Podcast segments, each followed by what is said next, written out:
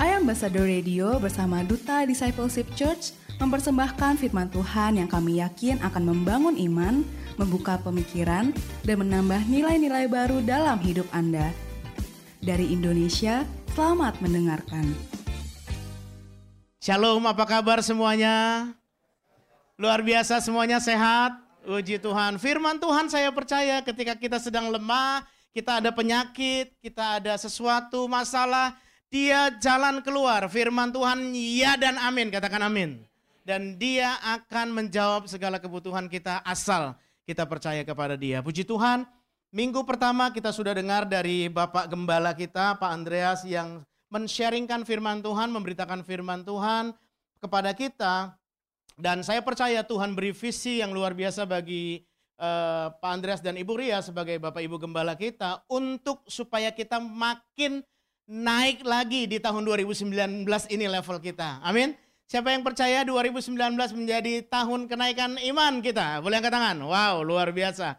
Puji Tuhan, saya juga sama saudara ya.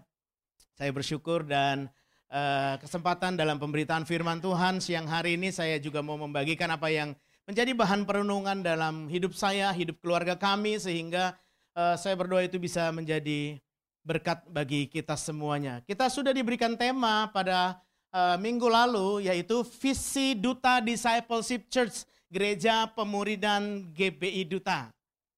Yaitu apa? Kita baca dengan suara yang keras 3 4 menjadi gereja pemuridan yang sehat dan berdampak bagi dunia. Sekali lagi yang lebih keras, menjadi gereja pemuridan yang sehat dan berdampak bagi dunia. Nah, jadi kalau gerejanya sehat, maka orang-orang bisa berdampak. Nah, ada berapa poin? Masih ingat? Ada berapa poin khotbah minggu lalu? Saudara lihat YouTube-nya bagi saudara yang Bapak Ibu saudara yang tidak hadir, saya akan uh, review sedikit atau Bapak Ibu yang hadir juga akan lebih rema saya percaya. Ada empat hal yang dibagikan uh, dalam tema kemarin yaitu menjadi gereja pemuridan yang sehat. Yang pertama adalah setiap murid harus tumbuh sehat. Sama-sama bilang tumbuh sehat. Kalau kita sehat, kita bisa pergi ke mana aja. Kemarin liburan ke mana? Keluar negeri, keluar kota? Enak ya, bisa jalan ke mana-mana gitu. Jadi gereja itu harus sehat. Gereja sehat kalau anggotanya sehat. Gereja itu punya anggota, yaitu Bapak Ibu dan saya sebagai anggota-anggota di sini. Keluarganya sehat. Kalau keluarganya tidak sehat, gereja nggak bakal sehat. Kalau ada keluarga yang sakit, gereja tidak bisa sehat. Makanya kita diajar untuk selalu bagaimana supaya kita sehat dulu. Setelah itu baru berdampak. Ya. Kenapa keluarga dikatakan keluarga sehat? Karena anak-anaknya sehat. Kalau anaknya sakit, keluarganya nggak dikatakan sehat. Itu keluarga lagi ada sakit gitu. Nah, kenapa anak-anak sehat? Karena ada orang tua yang jaga kesehatannya begitu. Nah, kenapa kita bisa sehat dalam rohani kita? Karena ada yang mengcover firman Tuhankah yang kita pelajari atau fasilitatorkah yang Tuhan percayakan untuk mementor kita dalam kelas pemuridan atau orang-orang yang rohanikah yang kadang kalau kita ketemu atau kita suka ngomong sama dia dan dia kasih eh, cara-cara uh, bagaimana kita keluar dari permasalahan dengan cara Tuhan. Jadi yang pertama kita harus sehat dulu. Yang kedua kita berfungsi dengan maksimal. Katakan fungsi maksimal. Jadi kalau kita sehat, nggak sehat, saudara, saya tidak bisa pikirkan kita nggak akan bisa lakukan apa-apa kan. Saya ingat di gereja kita dulu, saudara, mulai tahun berapa ya Pak itu? 2004 ya, yang dari Bless Indonesia Partnership. Ada satu kegiatan yang dilakukan namanya Natural Church Development, pembangunan gereja alamiah. Jadi itu tes kesehatan gereja. Jadi gerejanya dites gitu. Maksudnya gini, belum tentu gereja yang besar itu sehat belum tentu gereja yang kecil itu sakit gitu. Seperti kayak kita nih, belum tentu orang yang kurus itu sehat, orang yang gemuk sakit. Bukan pembenaran sih. Ngelihatnya kayaknya. Jadi itu dites tuh. Dibikin form, dikerjakan bagaimana leadershipnya, kepemimpinan yang di gereja itu, bagaimana situasi kantor, bagaimana menyelenggarakan ibadah raya, bagaimana keuangannya, bagaimana komitmen pekerja. Kalau itu tidak ada, itu gereja sakit namanya. Nah, jadi Tuhan mau bawa kita kita tumbuh sehat, lalu fungsinya maksimal. Kita pernah lakukan juga dulu. Kalau Bapak Ibu eh, jemaat awal di sini tahu yang namanya calling, gift, and personality. Jadi penempatan orang yang tepat di tempat yang tepat dan penempa uh, apa namanya karunia yang tepat di posisi pelayanan yang tepat. Jadi the right man in the right place, the right gift in the right ministry gitu. Nah, jadi kita ditaruh di fungsi yang tepat. Jadi kita dilatih untuk punya karunia. Saya percaya Bapak Ibu akan punya karunia yang luar biasa. Karunia mungkin menasehati orang lain atau mungkin karunia memberi atau karunia untuk uh, menolong orang lain dan saya percaya itu akan bertumbuh kalau kita ikutin tuntunan Tuhan. Lalu berikutnya setelah tumbuh maksimal, uh, tumbuh sehat, fungsi maksimal berbuah. Sama-sama sekali lagi bilang berbuah. Pohon yang rindang bagus, tapi hanya sebagai tempat perteduhan. Tidak ada buahnya. Saudara ingat cerita waktu Yesus ketemu dengan pohon ara dan tidak ada buahnya, langsung Yesus kutuk pohon itu dan selamanya dia tidak berbuah. Saya sedang pikir, kalau saya selama hidup tidak berbuah, dari mulai saya percaya Tuhan bertobat sampai sekarang tidak pernah ada buah pertobatan, tidak ada pernah buah kebenaran, tidak ada buah jiwa-jiwa, atau orang tidak pernah saya berkati dengan perkataan saya dan lain sebagainya. Saya hati-hati jangan-jangan saya bisa ditebang Tuhan loh. Dan itu sebabnya 2019 ini juga merupakan tahun introspeksi dalam kehidupan saya dan keluarga kami untuk bagaimana kami bisa lebih berbuah lagi bagi Tuhan. Gimana caranya berbuah? Gampang, tinggal nempel aja di pokok anggur yang benar. Oleh kiri kanan bilangnya nempel. Kalau kita nempel sama pokok anggur yang benar, kita berbuah. Kalau pohon itu dipotong, tidak lagi bersatu dengan pokoknya, dia akan mati. Saya waktu siapin ini ingat juga lagu sekolah minggu dulu ya. Yesus pokok dan kitalah carangnya tinggallah di dalamnya, pastilah. Coba semuanya begini kawakan. Pastilah berbuah. Kalau kita tinggal di dalam Tuhan Yesus pasti berbuah. Kalau kita ikutin tuntunan Tuhan, firman Tuhan pasti berbuah. Cuman itu syaratnya. Jadi Tuhan mau bawa kita untuk sehat dulu, fungsi maksimal, lalu berbuah, dan nanti pada akhirnya akan sempurna ketika Tuhan Yesus datang kedua kali. Tidak ada lagi potensi yang belum kita kembangkan, semuanya kita sudah kembangkan dengan begitu rupa, kita taat, tunduk, dan sampai ketika Tuhan Yesus jemput kita, maka kita orang-orang yang dijemput Tuhan. Haleluya ya. Jadi itu review dari uh, minggu lalu dan saya mau masuk di tema kali ini adalah menjadi gereja pemuridan yang sehat. Itu kemarin huruf kecil ya. Sekarang dan berdampak bagi dunia. Nah, jadi kita mau berdampak bagi dunia. Berdampak dalam dunia kita masing-masing. Kita ada di dunia bisnis, kita ada di dunia marketplace, kita ada di dunia pendidikan, kita ada di dunia rumah tangga sebagai ibu rumah tangga dan lain sebagainya. Apakah saya sudah berdampak di sana? Saya sedang introspeksi diri. Kalau kehadiran saya di satu tempat ada saya atau tidak ada saya, sama saja, berarti belum ada dampaknya. Saya memang tidak bisa mengubahkan semua orang, bahkan Tuhan Yesus tidak bisa ubahin semua orang. Waktu dia berbuat baik, ada saja orang yang mencela dan tidak suka. Tapi minimal, Yesus memberikan jalan kebenaran. Dan orang-orang yang mau, itu orang-orang yang terima firman dan yang mereka yang diselamatkan. Jadi, kalau saya tidak ada faedahnya jadi saya sama sekali tidak ada dampaknya. Jadi itu sebabnya kita mesti diajar firman Tuhan, saya juga mesti belajar firman Tuhan lebih lagi supaya saya juga bisa menghasilkan dampak-dampak dan berkat bagi banyak orang. Jadi bagaimana dampaknya? Apa yang harus kita lakukan? Kita mesti berdampak dulu di keluarga. Bapak Ibu yang saya kasihi di dalam Tuhan Yesus, keluarga harus jadi tempat pertama orang kenal Tuhan. Jadi anak-anak kita harus merasakan fungsi keluarga. Di situlah mereka kenal Tuhan. Di situlah mengen mereka mengenal kasih Bapa. Saya melihat betapa banyak keluarga sekarang broken home. Bukan sekarang aja, dari dulu juga. Betapa banyak orang yang luka hati bapaknya. Dan itu kita sudah Tuhan tuntun kegerakan dari tahun 2004 lalu untuk bicara itu. Sampai sekarang Tuhan berikan step yang lebih tinggi lagi, step yang lebih Eh, maksimal lagi untuk kita ada dalam kelas pemuridan dan diajarkan setiap hari. Nah, saudara, jadi keluarga harus menjadi tempat pertama anak-anak kenal Tuhan. Bahkan celakanya akhirnya anak-anak gak kenal Tuhan dan sering keluar rumah. Dan bagaimana kalau mereka udah besar? Waktu mereka kecil-kecil gampang sekali diatur, tapi kalau sudah besar bagaimana?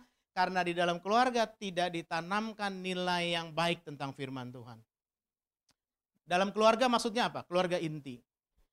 Jadi saudara saya lihat cerita-cerita di Alkitab tentang orang-orang yang punya papa, punya mama luar biasa yang bisa ngajarin firman Tuhan kepada anak-anaknya.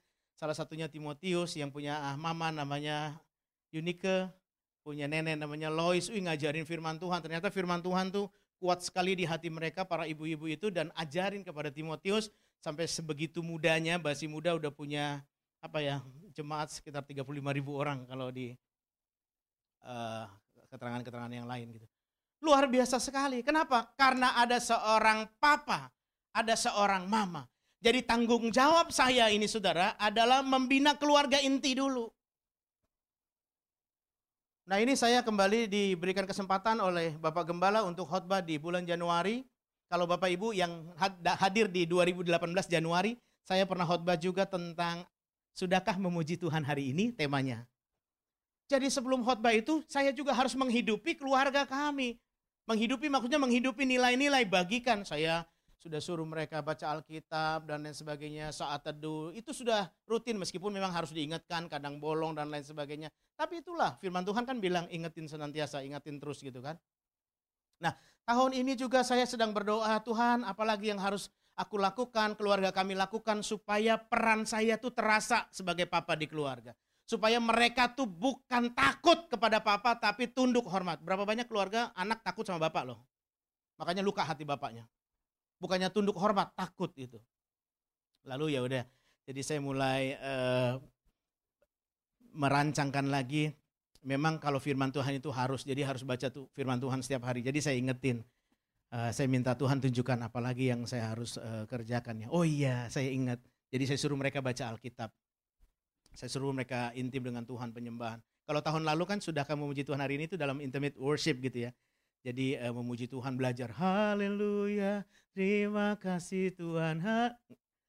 Tidak semua orang bisa begitu loh. Kalau yang bisa bagus, tapi kalau orang yang mau mulai-mulai nggak bisa. Tuhan dia lihat kiri kanan. Tuhan Yesus terima gitu. Saya pernah mengalami itu dulu waktu pertama kali baru bertobat lihat kiri kanan kok orang pada nangis, orang pada ini kok saya sendiri yang nggak nangis, apakah saya yang berdosa gitu ya? Lalu dipanggil ke depan gitu, di altar call gitu, semuanya belum juga hamba Tuhan kena jidat gitu, udah pada tumbang-tumbang, saya datang ke depan kok nggak tumbang-tumbang, apa saya dosa besar gitu? Nah, banyak pertanyaan gitu waktu pertama kali bertobat. Tapi dengan belajar firman semua terjawab dengan proses. Jadi saya mulai bagi lagi hidup, saya mulai ceritakan lagi ke anak-anak, kalian juga harus baca Alkitab. Tapi saya bilang baca Alkitab yang mana ya? Saya sudah pernah suruh dia baca Amsal 1 sampai selesai dan pelajari. Kitab Amsal 1 tuh catat pelajaran apa yang kamu dapat gitu. Udah pernah seperti itu. Jadi tahun 2019 ini waktu di tanggal 1 saya mikir gimana ya?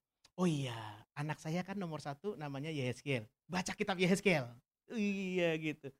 Lalu anak saya nomor dua Jeremy. Baca kitab Yeremia. Anak saya ketiga Audrey. Nggak ada kitab Audrey. Tapi Audrey namanya apa ya? Saya ingat-ingat. Dulu bagaimana sih kejadian dulu waktu dia lahir? Oh namanya Audrey Natalie Gracia. Jadi Natal. Natal itu kelahiran Yesus. Cerita Yesus lahir di mana sih? Di Matius. Saya suruh baca Matius. Lebih sulit lagi. Dapot. Dapot. Orang tuh kadang susah ngomong nama saya gitu. Dapot ya. Pernah Pak Andres utus saya ke Bengkulu untuk waktu itu gereja lagi ada uh, salah paham uh, pengurus gitu lalu saya datang untuk menengahi gitu. Itu yang satu kayaknya semangat sekali gitu. Dan dia nggak pernah benar panggil nama saya. Jadi waktu saya bilang tunggu ya begini aja. Malah dia bilang tunggu dulu pak dapok. Dapok dia bilang pakai k bukan pakai t. Saya bilang dapot d a p o t. Hmm. gitu susah. Jadi ada yang bilang dopok ada yang apa ya. Tapi nggak apa-apa sih maksudnya. Nggak luka gara-gara itu. Tapi saya senang dengan beberapa orang juga yang uh, panggil saya uh, saya agak sulit ya ngomong nama kamu dapat, saya panggil aja David. Ah, David. Jadi nama saya David. Jadi saya ingat David itu Daud. Terus saya lihat-lihat, oh iya saya kayaknya karakter saya hampir sama seperti Daud loh. Maksudnya gini, saya mau belajar rendah hati, saya nurut, saya berani. Disuruh ke mana aja berani, gak usah nanya-nanya gitu. Seperti kayak gitu. Bahkan karena nggak usah nanya-nanya jadi kebablasan nggak pernah nanya gitu ya. Nah saya ada nanya, eh saya ada sama seperti itu Daud. Nah Daud ada di cerita Alkitab di mana? Satu Samuel. Saya mulai baca satu Samuel gitu. Saya bilang sama Ita, Ita namanya apa? Gak ada kitab Ita. Tapi dia baca kisah para rasul, dia bisa kejadian. Saudara punya nama, kalau yang Alkitab baca langsung nama itu. Kalau misalnya saudara tidak ada panduan, baca seperti apa gitu ya. Saudara yang namanya Maria, Maria luar biasa. Saudara yang namanya Elizabeth, ada di sini yang namanya Elizabeth. Itu Elizabeth luar biasa. Oh dia dikasih penyataan sama Tuhan, dia begitu taat sama Tuhan. Ah Elizabeth di kitab apa? Di Matius, baca kitab Matius. Elizabeth punya suami yang luar biasa, siapa namanya? Bukan Suhandi loh. Itu namanya Elizabeth juga. Elizabeth Sardina. Ibu Elizabeth Sardina. Suaminya Bapak Suhandi. Maksudnya suaminya itu Jakaria. Bahkan si Jakaria itu belajar dari istrinya. Dia waktu itu mempersembahkan korban, tahu-tahu dia bisu. Dia dikasih Tuhan, nama anaknya tuh nanti Yohanes gitu. Tapi begitu dia ngikutin tuntunan Tuhan dan lain sebagainya, tahu-tahu Zakaria bisa terbuka mulutnya dan bilang namanya sama gitu dengan apa yang sudah dinubuatkan. Ini luar biasa. Jadi saya mendorong Bapak Ibu yang namanya Alkitab, baca aja Alkitab itu. Saudara kalau misalnya agak bingung ya, ah, saya mau bisa baca renungan gimana ya? Dari mana ya nggak tahu. Saudara enak ya tahun tahun lalu cuman dikasih apa? Mazmur sedikit-sedikit bacanya. Jangan cuman baca itu, baca yang lain. Apalagi kalau dalam hari-hari uh, bisa bisa merenungkan kira-kira apa yang terjadi dalam kehidupan kami ya sepanjang hari ini. Jadi itu bisa jadi nilai pelajaran. Satu ketika saya ngomong sama anak-anak saya, apalagi yang saya mau tingkatkan ya. Oh iya, saya ingat Bu Ria, Ibu Gembala pernah ngomong begini.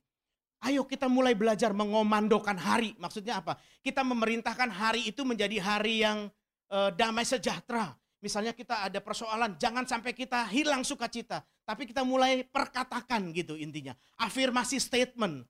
Oh iya, berarti saya mulai ngomong dan saya mulai susun, saya diskusi dengan anak, gimana kalau kita bikin deklarasi iman 365 hari ya, mau jadi bikin, bikin buku lagi mikirnya. Gak pernah mikir begitu. Gitu.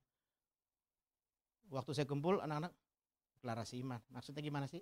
Ah, kan itu nerangin lagi gini, gini, gini, gini dan sebagainya. Oh iya, lalu mulailah kami buat uh, deklarasi iman di hari pertama itu saya buat seperti ini. Ini keluarga kami ya, deklarasi iman hari pertama. Saya percaya bahwa Tuhan, saya percaya bahwa tahun 2019 ini adalah tahun peningkatan level iman dalam keluarga saya. Tahun 2019 ini saya mau mempercayai Tuhan sepenuhnya, memimpin langkah-langkah hidup saya. Tuhan akan menuntun saya mengalami mujizat-mujizat yang luar biasa yang belum pernah saya alami sebelumnya. Saya tidak akan takut, tidak bimbang, tidak khawatir melihat keadaan apa pun juga, sebab Tuhan yang akan berjalan di depan saya dan menuntun langkah-langkah hidup saya. Berkat Tuhan atas berkat Tuhan akan melimpah dalam keluarga saya. Inilah deklarasi iman saya. Amin. Itu. Jadi saya tidak pernah memikirkan untuk melakukan ini, tapi ketika saya merenungkan, lalu saya diskusi dengan anak-anak, lalu timbullah ini. Dan hari ini tanggal 13, orang dunia bilang tanggal 13 apa? Celaka. Celaka 19, berapa? Orang bilang, waduh celaka 13 gitu. Jadi saya mulai ceritakan sama anak-anak, bagaimana cara bikin deklarasi iman nih hari ke-13. Ya apa yang kita dapat? Maksudnya ya sepanjang hari ini Tuhan sertai kita nih. Kan saya ngomongnya malam kan udah satu hari kemarin. Malam ngomong. Uh, oh iya saya kan naik motor uh, dibonceng sama temen. Lalu pakai helm, pakai jaket. Saya rasa Tuhan memberikan keamanan dalam diri saya. Oh iya begitu ya. Jeremy dapat katanya itu. Lalu anak saya yang pertama, Yeskel dapat katanya apa? Satu kata aja. Lalu Audrey dapat kata apa? Ita dapat kata apa? Itu saya gabungkan menjadi satu kalimat dan jadilah deklarasi hari ke-13 ini. Saya percaya Tuhan Yesuslah yang menjamin hidup saya, Allah Bapa yang menciptakan saya, Tuhan Yesus yang mengampuni semua dosa saya, Roh Kudus dan selalu setia menyertai hidup saya. Dalam perlindungan Allah Bapa, Allah Anak dan Allah Roh Kudus yaitu Allah Tritunggal, saya akan selalu aman, sehat dan sejahtera. Saya tidak akan mengalami kesialan atau celaka seperti yang dipercayai oleh orang-orang di dunia ini. Bahkan saya pasti mengalami banyak keberhasilan dan keberuntungan. Hidup saya akan disertai Tuhan sepanjang hari, perlindungan Tuhan akan nyata setiap waktu seperti tiang awan dan tiang api dalam hidup saya. Inilah deklarasi iman saya. Amin. Jadi bikin seperti ini saja yang tidak pernah saya rencanakan sebelumnya. Nah ini kan uh, kami punya keluarga. Jadi Bapak Ibu bisa membuat sesuatu, merenungkan sesuatu, memperhatikan keluarga kita, anak demi anak dan lain sebagainya, dan mulai membawa mereka untuk uh, mengenal Tuhan lebih lagi.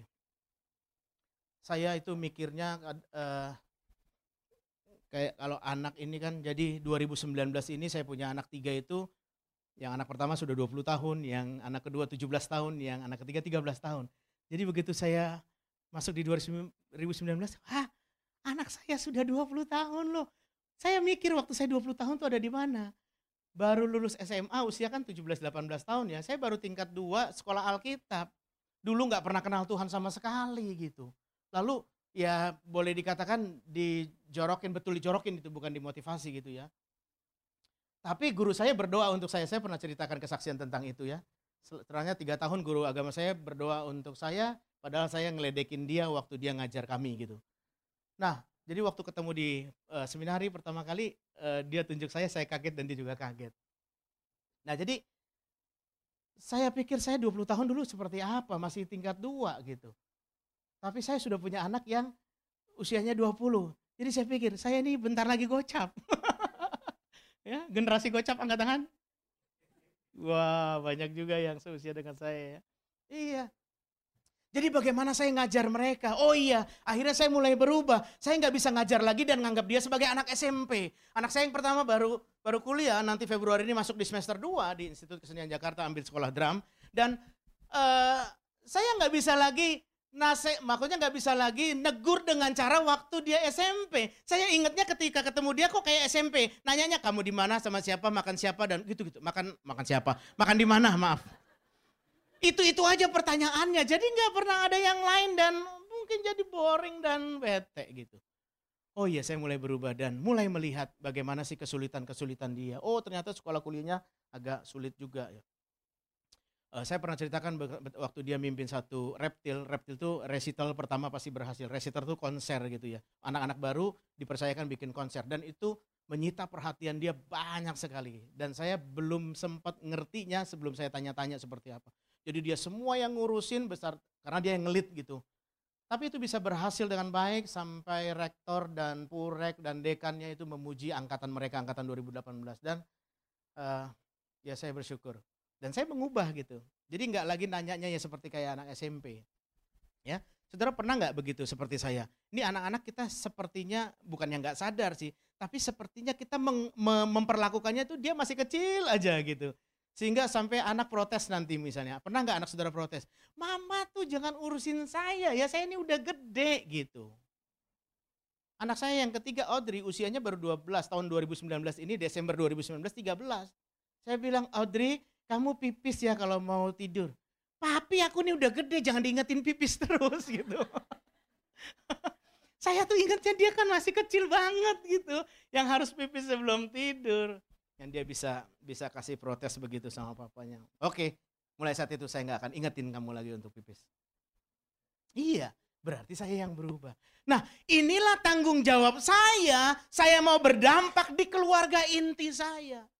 Dan kalau kita dalam keluarga inti aja nggak berdampak maksudnya, kalau anak aja kita nasehatin kata-kata yang mereka sudah kasar sekali, saudara bahaya loh sebagai dari orang tua seperti itu. Bahaya.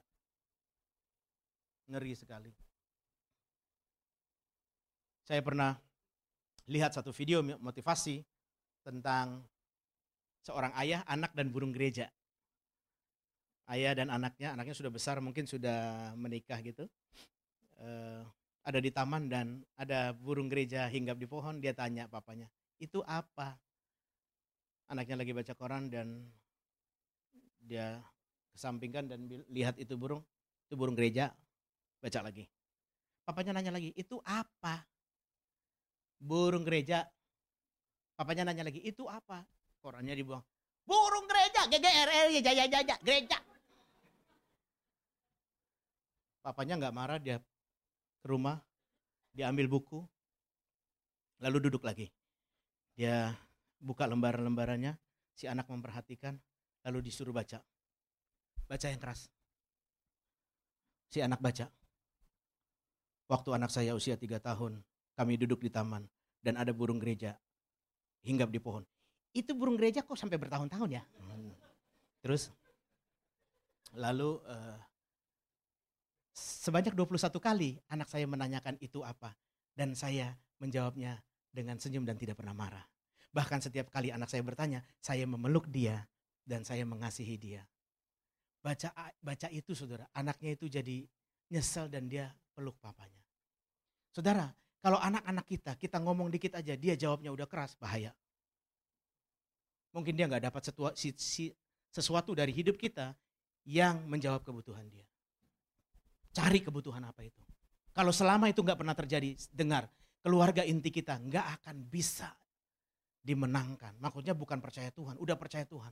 Tapi nggak akan bisa bertumbuh maksimal, nggak akan bisa berdampak.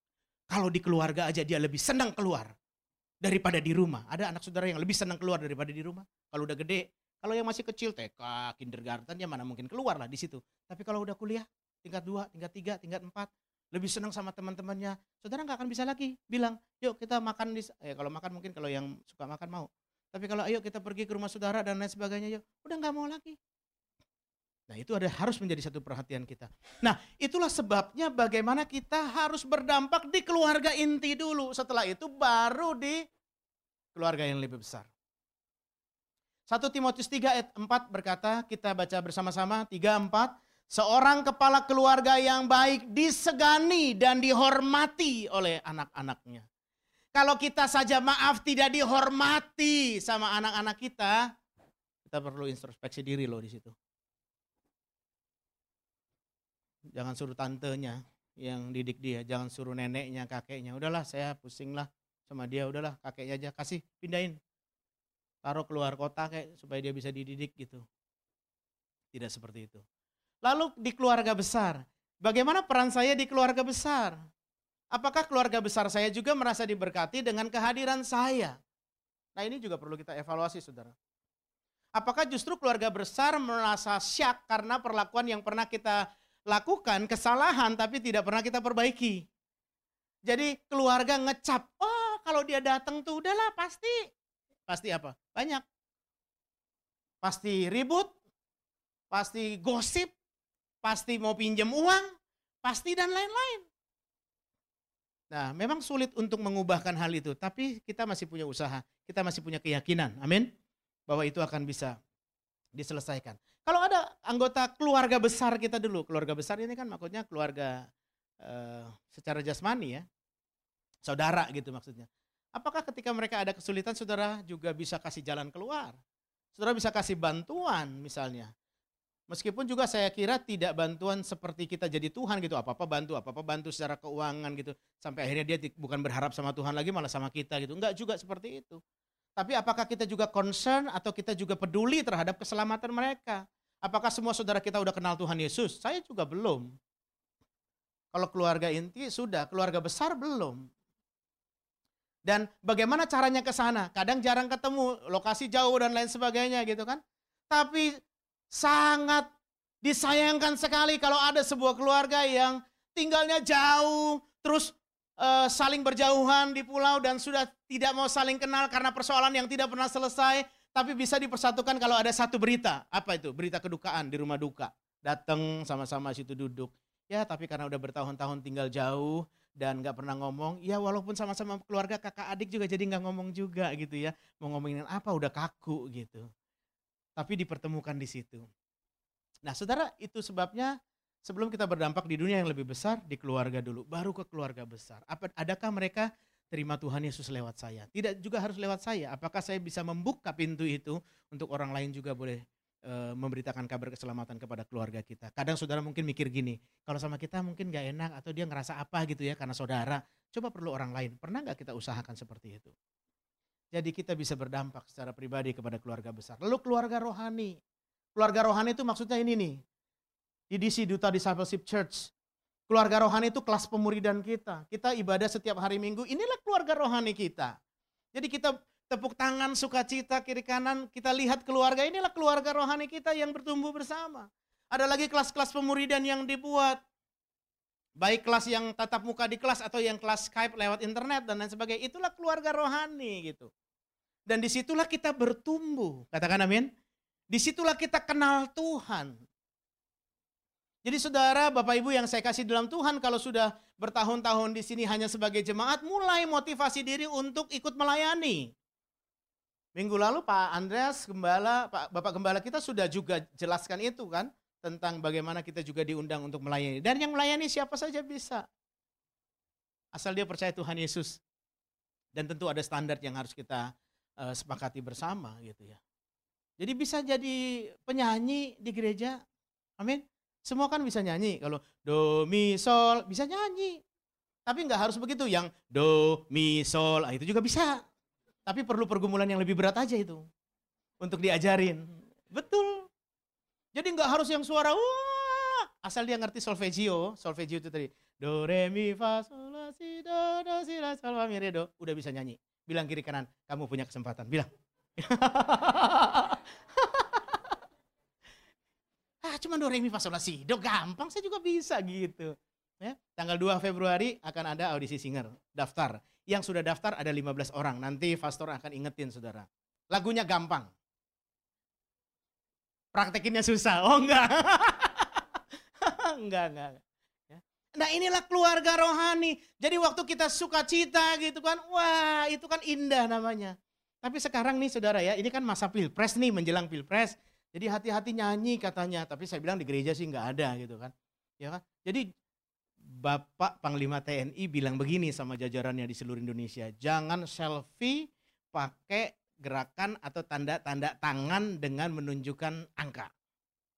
Kalau di gereja saya yakin nggak ada lah. Kalau kita nyanyikan, kalau nyanyi satu satu pasti gini kan? Nggak boleh lagi. Satu satu lima dong. Kayak tadi, saya biasanya kalau nyanyi nyanyi sukacita tuh begitu, bukan tanda yang satu. Sungguh tak tertandingi, tak ada yang setara denganmu. Hanya Yesus Tuhan. Masa hanya Yesus, hanya Yesus? Enggak. Saya jelaskan tidak boleh ada begitu di sini. Kalau di sana tuh viral ini. Jadi apa-apa di selfie in sesuai dengan itu. Saudara, inilah keluarga kita rohani, jadi kita bisa bersuka cita. Di sinilah tempatnya kita bisa bertatap muka. Jadi kalau saudara selesai ibadah itu, ya boleh saja sih, tapi tidak langsung terburu-buru pulang, tapi bisa bisa share dulu, bisa cerita dulu, say hi, tanya kabar dan lain sebagainya. Dan itu bukan basa-basi. Itu kedekatan secara keluarga, gereja dengan kita sebagai keluarga. Nah, saudara yang dikasih Tuhan, setelah itu yang di keluarga inti ya. Saya bicara banyak di sini, yang lain-lain saya kira tidak terlalu banyak. Lalu kita berdampak dalam pekerjaan kita. Pekerjaan atau perusahaan kantor itu yang saya tahu setiap tahun mereka menetapkan target yang baru. Ada standar yang dibangun. Ada fokus yang harus dilakukan. Nah kalau gereja kita melakukan seperti itu, itu sesuai namanya. Saya miris sekali ngelihat, saya dulu bergerak di uh, bidang pendidikan, maksudnya sebagai salah satu tenaga pengajar gitu. Saya miris sekali melihat sekolah yang setiap tahun sekolah itu tidak pernah mengadakan training bagi guru-gurunya. Jadi guru-gurunya itu hanya ngajar tiap tahun, kalau ada masalah juga jarang sekali ada jalan keluar, lalu tidak ada motivasi dan lain sebagainya. Akhirnya mereka hanya ngajar, ngajar, ngajar begitu saja. Dan kalau dalam hatinya merasa bete, merasa boring, ya udah mau diapain. Habis itu dia keluar dan tidak ada yang menunjukkan sebuah kinerja yang lebih baik. Dan akhirnya lama-lama tutup. Saya kenal seorang, uh, saya panggil dia tante. Dulu saya pernah mengajar di situ. Uh, banyak sekali ratusan, tapi sekarang sudah tinggal sedikit dan hampir tutup karena dia mau pulang kampung dan dia mau jual semua asetnya gitu. Dari dulu-dulu nggak laku-laku. Saya bilang, ya karena mereka juga sudah tidak ada yang e, menangani gitu ya. Mereka e, seorang hamba Tuhan, pendeta dan ibu pendeta yang punya sekolah besar di kota, tapi setelah itu tinggal sedikit dan saya kira saya berdoa situ untuk tidak tutup. Tapi karena operasionalnya itu cukup besar dan ada ikatan alumni yang mensupport akhirnya sekolah itu untuk tetap bisa melangsungkan kegiatan belajar dan mengajar. Nah, tapi maksud saya adalah bahwa kalau kita tidak pernah di training, kalau kita tidak pernah dimotivasi, kalau kita tidak pernah dicap di apa namanya diberikan satu target untuk kita lakukan, kita akan cenderung untuk eh, cool down. kita akan cenderung untuk uh, stagnan jadinya. Jadi perusahaan pasti menetapkan target yang lebih lagi yang bisa dicapai untuk para karyawannya. Jadi kalau kita sebagai karyawan, apakah saya sebagai karyawan sudah berdampak di pekerjaan? Apakah dengan saya menjadi karyawan, perusahaan itu cukup terbantu? Ya kalau uh, karyawannya ratusan ribuan mungkin tidak ketara bantuannya gitu. Mungkin hanya di skop pelayanan kita. Tapi minimal kita bisa uh, melakukan dampak itu. Jadi apa yang harus kita lakukan? Kalau kita sebagai karyawan, apakah kita bekerja dengan jujur? Satu kata aja, jujur. Sama-sama bilang jujur. Integritas itu sederhananya jujur. Jujur dengan apa yang kita lakukan, jujur dengan apa yang kita perbuat, jujur dengan apa yang kita katakan, sikap kita dan lain sebagainya. Tidak ada aksi tipu-tipu. Uh, beberapa tahun lalu waktu gereja mau mempersiapkan satu ibadah dengan mengubah panggung jadi panggungnya diubah. Jadi saya pikir beli palet untuk bikin panggung tambahan. Palet tahu Bapak Ibu? Tempat tumpukan barang-barang tuh sehingga kalau forklift bisa angkat dengan baik. Nah waktu saya mau beli ternyata ada mobil truk box gitu lagi turunin palet. Ternyata dia seorang pekerja dari satu perusahaan. Ada merek perusahaannya di mobilnya gitu. Ya dia jual palet itu dengan diam-diam begitu. Nah ini adalah satu contoh yang uh, berarti tidak jujur gitu atau dalam segi apa saja.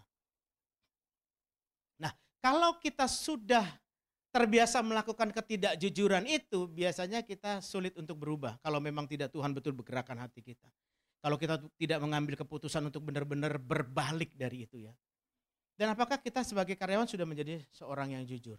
Jadi kalau jujur itu saudara, saya percaya kredibilitas kita pasti bagus di atasan sama di depan rekan kerja. Amin enggak? Jadi kalau kita jujur pun kita tidak manipulasi orang, kita apa adanya. Kalau saya jujur saya akan lebih sehat. Kenapa? Karena nggak perlu bohong. Kalau udah bohong pasti ada alasan lagi. Kamu kenapa begini, begini, dan akan nyangkut gitu. Kalau saya jujur, saya percaya promo Tuhan datang. Katakan amin. Apakah saya sebagai pengusaha juga jujur? Nggak ambil uh, keuntungan dengan cara ngeruk keuntungan sebanyak-banyaknya yang tidak sesuai firman tentunya ya. Boleh ngeruk keuntungan sebanyak-banyaknya namanya juga bisnis gitu. Tapi apakah bisnis itu dilakukan dengan benar? Yang pedagang, apakah berdagang dengan cara-cara yang benar? Ataukah ada ya tipu-tipu sedikit lah karena orang dunia bilang kalau jujur mana bisa kaya? Enggak. Orang jujur itu mujur. Bilang, orang jujur itu mujur. Selalu Tuhan kasih keberuntungan. Selalu Tuhan kasih uh, keberhasilan di sana. Yang penting bagaimana kita bisa berusaha untuk hidup jujur di hadapan Tuhan. Jadi apa yang kita lakukan bukan jujur, bukan berubah kalau lihat atasan, kalau kita lagi dikontrol dan lain sebagainya. Tapi semua bisa dengan integritas. Kolose pasal yang ketiga, ayat yang ke-23, mari kita baca bersama-sama. Apa pun juga yang kamu perbuat, perbuatlah dengan segenap hatimu seperti untuk Tuhan dan bukan untuk manusia. Nah saudara, apa pun juga yang kamu perbuat, perbuatlah dengan segenap hatimu seperti untuk Tuhan dan bukan untuk manusia. Jadi waktu saya melakukan sesuatu, saya lakukan ini untuk Tuhan. Waktu saya sebagai seorang suami ngomong sama istri tentang kejujuran dalam hal penghasilan, waktu saya sebagai seorang istri berusaha ngomong jujur dalam hal yang terjadi dalam keluarga atau apa pun yang terjadi dalam rumah tangga, saya lakukan itu semuanya untuk Tuhan. Bukan supaya karena ada apa-apanya, supaya uang turun lebih deras atau supaya saya jangan dimarahin dan lain sebagainya. Nah, ini kan kejujuran.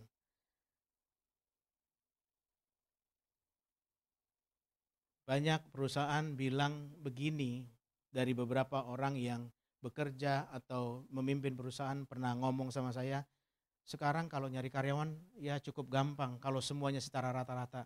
Tapi kalau cari yang dipercaya, yang bisa jujur, yang bisa fight, enggak semua seperti itu. Dan saya berpikir kalau kita tidak dididik di dalam firman Tuhan, kalau kita tidak dibekali dalam firman Tuhan, dalam kelas pemuridan bagaimana bekerja yang jujur ya Saya tidak masuk di area pemuridan dan pelajaran-pelajarannya karena pelajaran itu sangat spesifik sekali dan bagus sekali untuk dunia marketplace sekalipun, bukan cuma secara rohani uh, saja, rohani gerejawi maksud saya, tapi dalam dunia marketplace itu sangat banyak sekali membantu orang-orang yang bergerak di sana, Saudara. Nah, jadi kejujuran adalah langkah awal. Saya mau katakan kejujuran adalah awal berkat Tuhan itu dulu. Kalau kita punya pekerjaan, tapi kita ada satu pekerjaan yang lain di luar pekerjaan itu yang tidak seharusnya. Kalau seharusnya boleh ya boleh nggak apa-apa.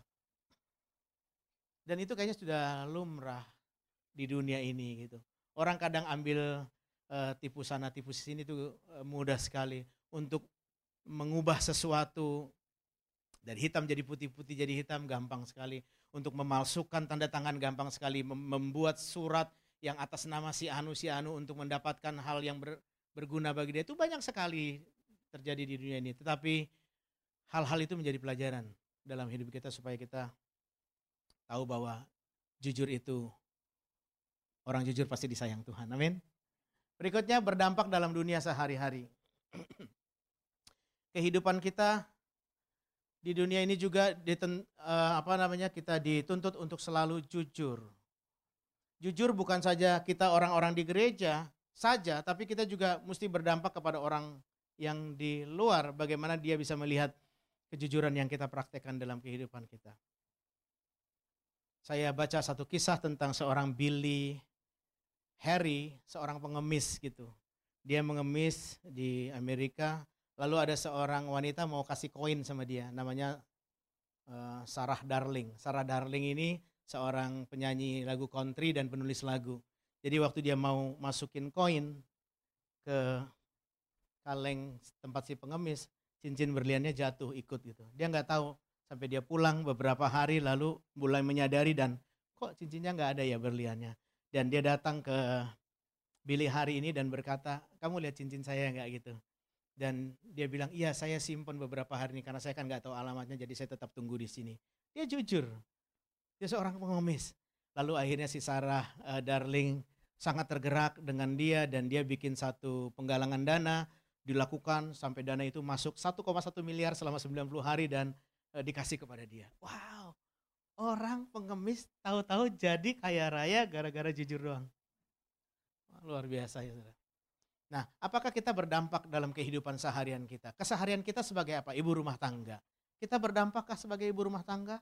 Ataukah kita melakukan hal-hal yang kita lakukan itu aduh udah kesel, sungut-sungut. Kenapa? Karena tiap hari nganter anak sekolah, tiap hari masak, tiap hari melakukan pekerjaan-pekerjaan rumah. Meskipun bersyukur ada pembantu yang bantu dan meringankan pekerjaan, tapi tetap gara-gara ngurusin itu terus, kan pasti masak kan, kan pasti beresin ruangan kan. Tidak nyapu, tidak nyuci, tidak ngepel, tapi ketika saudara misalnya masak sesuatu yang kecil kan air berantakan pasti dilap, pasti ngerjain kan namanya eh, hal-hal e, itu. Nah, apakah itu menjadi sukacita? Waktu melayani suami masak uh, untuk suami, masak untuk anak-anak, apakah kita dengan segenap hati ataukah sekarang kalau anak-anak cara ngomongnya langsung to the point gini, ah mama, mama sekarang masaknya kurang enak, asin. Gimana? Eh, udah mendingan ya mama masak ya, nggak usah makan di sini, makan di luar. Ah, gitu. Ataukah kita, oh ya gitu ya, mama masak asin ya, ya deh nanti uh, mami kurangin garamnya sebelum IDTC Ita masaknya asin. Istri saya Ita di depan. Iya. Dan saya lebih pintar masak dari dia. Gitu. Tapi rupanya pertemuan dia dengan Tuhan di sana di Intensive Discipleship Training Course IDTC yang kata 16 eh, lalu uh, mengubahkan hidup saya, dia dan membuat saya jadi kaget gitu. Kagetnya apa? Ya kan saya biasa makannya begitu. Tapi kok makan di lidah tuh udah beda gitu. Ada bumbu opor ayam, ada bumbu Bali, ada bumbu goreng apa gitu. Saya jadi bingung kenapa ya kok dia bisa begitu. Saya ke belakang, ke dapur maksud saya. Dan saya lihat, eh ternyata dia beli bumbu-bumbu saset begitu dan di belakangnya ada menu masakan. Oh ini gitu. Nah, itu juga kan bisa jadi berubah, jadi berdampak. dan saya bersyukur Apakah kita melalui hari-hari kita sebagai ibu rumah tangga justru kesel dan berkata, aduh udah pusing saya begini. Dari anak lahir ngurusin sampai TK, SD, SMP, sampai ngurusin kuliah gini. Susah diaturnya. Nah, kata-katanya keluarnya begitu terus enggak? Kalau begitu berarti kita sudah berdampak sebenarnya, tapi tidak tulus hatinya. Tidak tulus mengerjakan, menolong semuanya ini. Saya ingat ada satu quote, di balik kesuksesan seorang suami, ada seorang istri. Sebenarnya bukan istri sih, ada mama juga kali ya. Jadi bisa dua atau tiga. ya kan? Jangan-jangan mama dan istri kali ya. Tapi maksudnya itu istri yang menolong. Kalau nggak ada istri, kita sebagai suami tidak seperti ini. Saudara yang duduk suami istri bilang, Mah, makasih ya, kamu hebat loh, bilang. Hebat, Mam, hebat, hebat. Melayani untuk Tuhan. Ya, dalam bidang yang lain apa? Siswa, mahasiswa, pergaulan-pergaulan. Kalau siswa mungkin dalam kategori SD, SMP, SMM masih biasa ya. Tapi kalau sudah mahasiswa, pergaulannya apalagi kalau sekolah itu university itu adalah Eh, menerima mahasiswa dari pulau lain yang kita tidak tahu akhirnya bergabung menjadi teman. Kita tidak tahu latar belakang kehidupan mereka bagaimana. Ada yang percaya Tuhan Yesus, ada juga yang tidak percaya Tuhan Yesus. Ada yang percaya Tuhan Yesus sungguh-sungguh, ada yang percaya Tuhan Yesus juga asal-asalan sambil buat dosa, nggak apa-apa gitu. Kita nggak tahu dan mereka berteman dengan anak-anak kita. Beberapa minggu ini yang viral di dunia maya apa? Prostitusi online. Kenapa? Karena diam-diam mereka ada bisnis begitu di dalamnya. Saya baca satu penelitian dari uh, Pennsylvania State University. Dia bilang begini, dia mewawancara dan memberikan uh, apa namanya form untuk diisi. Lalu uh, kesimpulannya begini bahwa seorang anak atau seorang remaja yang ada dalam keluarga yang di cover dengan baik secara rohani, dia tidak akan mengalami akan akan mengalami pening, peningkatan dalam romansa gitu. Romansa itu romantis dan minim kekerasan gitu. Jadi kalau orang yang keluarganya romantis, jangan-jangan papa mamanya tuh juga pernah mengajarin begitu, bagaimana mengasihi pasangan, mengasihi istri. Nah kan saya lagi mikir nih, saya, papa saya, mama saya nggak ada romansa-romansanya tuh. Gitu. Wah kalau ngajar juga, wah gitu ya, ngomong sama mama juga, wah teriak gitu. Nah, saya juga jadi ke bawah begitu kan. Tapi ketika saya menyadari firman dan saya dididik dalam kelas pemuridan, iya nggak cocok lagi begitu, harus berubah. Kenapa? Karena kata-kata gitu melukai. Nah, tadi yang saya katakan lagi viral apa? Ya itu. Jadi sampai satu orang bilang begini, sulit ya memberantas dosa yang sudah paling purba, paling tua di dunia ini sejak dunia ini ada dosanya itu. Kita tidak akan bisa mengubahkan orang lain, tapi yang penting bagaimana saya tanamkan nilai yang betul-betul jaga kekudusan. Bapak Ibu yang punya anak yang sedang uh, kuliah dan lain sebagainya perlu proteksi, perlu juga tanya. Tanyanya nggak lagi seperti kayak tadi saya ceritakan waktu saya melihat dia udah uh, seperti anak SMP padahal sudah kuliah. Bahkan tanyanya jadi temen gitu, kesulitan apa. Dan kalau saya pikir saya menghadapi itu dalam usia seperti itu dulu, nggak mampu loh. Jadi saya tidak akan lagi ngomong begini. Makanya kamu tuh harus kuliah sungguh-sungguh. Papa dulu tuh naik bis umum. Ya sekarang kan nggak gitu lagi zamannya gitu. Nggak update nasehatnya, digituin. Bilang kiri kanan mesti update. Saya baca ada generasi ya, ada generasi baby boomer. Baby boomer tuh lahir dari tahun 64 sampai 67, usia 50 sampai 70 tahun. Itu usia pekerja keras, perintis dan lain sebagainya Lalu di bawahnya lagi ada usia, usia X, Y, Z itu saya nggak jelaskan. Saya ada tulis di sini. Tapi beda. Yang terakhir generasi Alpha yang lahir dari tahun 2012 ke sini. Yang sudah tidak banyak saudara dan orang tua kekayaan melimpah gitu. Jadi akhirnya egois. Nah, jadi kita perlu memperhatikan apa yang terjadi dalam keluarga kita, anak-anak kita. Jadi jangan sampai terjadi uh, anak-anak kita yang siswa dan mahasiswa yang tidak tercover. Makanya mesti terus dijagai mereka. Lalu apa? Saudara yang single atau yang single again? Apakah single betul-betul dapat dapat visi dari Tuhan, betul-betul untuk memuliakan Tuhan dan lain sebagainya. Jadi tidak ada sebuah penyesalan atau penderitaan. Jadi saudara benar-benar nyanyi I am single and very happy. gitu ya. Atau yang single again gitu. Saya percaya bahwa Tuhan adalah suami saya yang terus melindungi Kapan pun sampai saya dipanggil Tuhan. Itu luar biasa. Amin. Apakah dalam kehidupan single kita atau kita single again kita berdampak? Justru kata-kata kita kepada menantu, kepada orang, kepada saudara adalah kata-kata yang betul-betul e, memberkati ataukah kata-kata cuma curhatan hati yang ngumbar sakit hati keluar dan banyak orang kena getahnya semuanya. Dan kalau kita menyadari firman Tuhan, saya harus berdampak, harus sehat dulu, baru diutus Tuhan di dunia di mana pun juga, di dunia gereja, di dunia lingkungan dan lain sebagainya saya punya dampak. Saya memberkati orang lain. Lalu kalau di tetangga misalnya, di lingkungan gimana? Apakah lingkungan kita damai sejahtera waktu kita ada? Damai sejahtera, malahan dia tuh Pak yang bikin gak damai sejahtera. Bapak Ibu punya tetangga yang gak bikin damai sejahtera? Nah itu perjuangan tuh. doain terus. Oh dalam nama Tuhan Yesus didoain sebentar dia ngamuk lagi. Doain lagi dalam nama Yesus. Nah, kalau didoain terus-terus, oh Tuhan kalau bisa kamu cabut dia dari sini. Enggak boleh doa gitu ya. Tapi minimal orang yang tahu juga kan di luar rumah kan tetangga kita ya kan. Apakah saudara pernah kasih shalom sama tetangga? Gitu. Saya pernah uh, ceritakan uh, kesaksian saya yang saya kesal sama tetangga. Di sini gak ada tetangga saya kan? Bukan yang ini, bukan, bukan, bukan saudara. Yang setiap dia lewat terus uh, saya udah senyum gini dia diem aja gitu. Wah berbulan-bulan dan saya gumuli dalam hati, ya Tuhan saya akan doakan terus Tuhan dia Tuhan. Tapi begitu dia lewat turun kaca gitu, belum dinaikin kacanya, kaca mobilnya Power Window-nya kan masih belum dinaikin gitu. Si video aja gitu. Saya bilang sama istri, itu ya tetangga ya. Saya senyum, dia nggak senyum loh. Itu kan saya artinya mau ini. Terus dia saya kira dukung saya, dia bilang, Pak, kamu tuh kalau udah melakukan suatu jangan mau dipuji. Kalau mau dipuji, kamu yang nggak beres. Buak! kayak ditabok saya. Iya ya saya bilang kok saya masih ada rasa gitu ya ngelihat. Oh iya dan saya dalam hati saya doakan dia terus, saya doakan terus. Saya pernah cerita sama saudara berapa lama saya doakan? Tujuh bulan. Sampai tujuh bulan tahu-tahu dia pergi dari rumahnya. Satu, dua, tiga, empat, lima, enam, tujuh, delapan. Kira-kira ada sepuluh rumah dari rumahnya.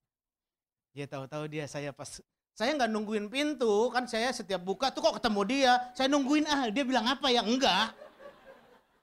Ngapain? Jadi waktu saya pas buka pintu dan lihat dia dia bilang gini kok? Waktu dia bilang kok? Saya bilang ci gitu. Iya. Dan saya bilang itulah karena saya langsung mangkel di hati nggak memberkati orang lain dan tidak ada mujizat di situ. Ya saya bersyukur sama Tuhan. Dan saya berkati ya tetangga saya bilang ambil aja kalau mau di depan kan ada pohon sawo ambil sendiri. Ya jadi ambil. Kalau saudara mau datang, jangan cuma pohon lengkeng, pohon sawo sekalian. Lalu diri sendiri, saudara pernah mikir gak? Saya nih berdampak bagi diri sendiri satu ketika ketika ngalamin ujian, kok saya bisa ngomongnya uh, lembut gitu ya ketika ada ujian mau marah. Kok saya bisa lagi mau marah tapi Kok yang keluar kata-kata memberkati? Wah luar biasa ya. Berarti inilah proses Tuhan yang saya ikutin. Yang penting kita taat. Apakah saudara pernah mengalami hal seperti itu? Itulah dampak yang kita munculkan dari proses pendidikan, dari proses pemuridan, dari proses firman yang kita dengar dalam setiap kali ibadah. Jadi itu menguasai diri kita. Saudara, terus dalam kisah para rasul 1 ayat 8, mari kita baca sama-sama. Tetapi kamu akan menerima kuasa kalau roh kudus turun ke atas kamu dan kamu akan menjadi saksiku di Yerusalem dan di seluruh Yudea dan Samaria dan sampai ke ujung bumi. Jadi Tuhan mau kita jadi saksi Tuhan lewat kehidupan keluarga kita dulu. Kehidupan keluarga kita dilambangkan dengan Yerusalem kita nih. Apakah saya sudah berdampak bagi anak dan istri? Apakah saya sudah berdampak dalam dunia yang lebih besar lagi di Yudea, di Samaria dan sampai lingkungan sampai ke bangsa-bangsa kalau Tuhan izinkan saya bisa jadi berkat bagi mereka. Tuhan kasih kuasa. Katakan amin. Tuhan memberikan kuasa, tetapi kamu akan menerima kuasa kalau Roh Kudus turun ke atas kamu. Sama seperti tadi saya katakan, gimana caranya ya? Gimana caranya berbuah? Bagaimana cara menjadi saksi? Bagaimana caranya ini dan lain sebagainya? Satu caranya, kalau kita mau, Tuhan akan bekerja di sana. Tapi kalau kita tidak mau, kita pasti akan cari alasan. Tuhan kasih kuasa untuk perkataan kita, untuk hidup kita berubah, berdampak bagi banyak orang. Jadi waktu kita ngomong, kita nggak usah siapin kata-kata apa sih. Tapi dari hidup kita mulai keluar jamahan Tuhan, mulai keluar kasih Tuhan. Kasih itulah yang akan menolong keluarga kita. Kasih itulah yang akan menolong orang yang kita jumpai, yang sedang kita tolong, sedang kita sharing dan lain sebagainya. Ternyata impartasi itu namanya impartasi hidup, saudara. Jadi hidup kita memberkati orang lain. Yang terakhir, biarlah kita semua yang bapak-bapak, yang pria berkata, saya mau hidup berdampak bagi orang lain. Yang ibu-ibu, yang wanita juga bilang, ya saya mau berdampak bagi orang lain. Gimana caranya? Ada ukuran dalam Galatia 5, 22 sampai 23, kasih, sukacita, damai sejahtera, kesabaran, kemurahan, kebaikan, kesetiaan, kelemah lembutan, penguasaan diri. Jadi dalam buah-buah roh ini, dalam buah roh ini kita bertumbuh. Dalam kasih kita, kita ngecek. Gimana, udah bertumbuh apa belum? Sukacita, damai sejahtera, dan penguasaan diri. Itu sebabnya ujung-ujungnya kita harus jadi sehat dulu pertama. Setelah sehat kita baru berdampak. Bagaimana sebelum berdampak harus sehat dulu. Sama-sama bilang sebelum berdampak kita harus sehat dulu. Kalau udah sehat baru berdampak. Bagaimana sebelum sehat kita diajar firman Tuhan. Itu sebabnya kita bersyukur kita Tuhan bimbing untuk memasuki visi Tuhan di 2019 ini yaitu menjadi gereja pemuridan yang sehat dan berdampak bagi dunia. Tuhan Yesus memberkati kita sekalian. Anda telah mendengarkan program Didisi Sermon. Untuk informasi lebih lanjut, Anda dapat membuka YouTube channel kami di Duta Discipleship Church. Terus dengarkan Ayam Basado Radio setiap hari Senin jam 1 siang untuk mendapatkan firman-firman terbaru. Tuhan Yesus memberkati.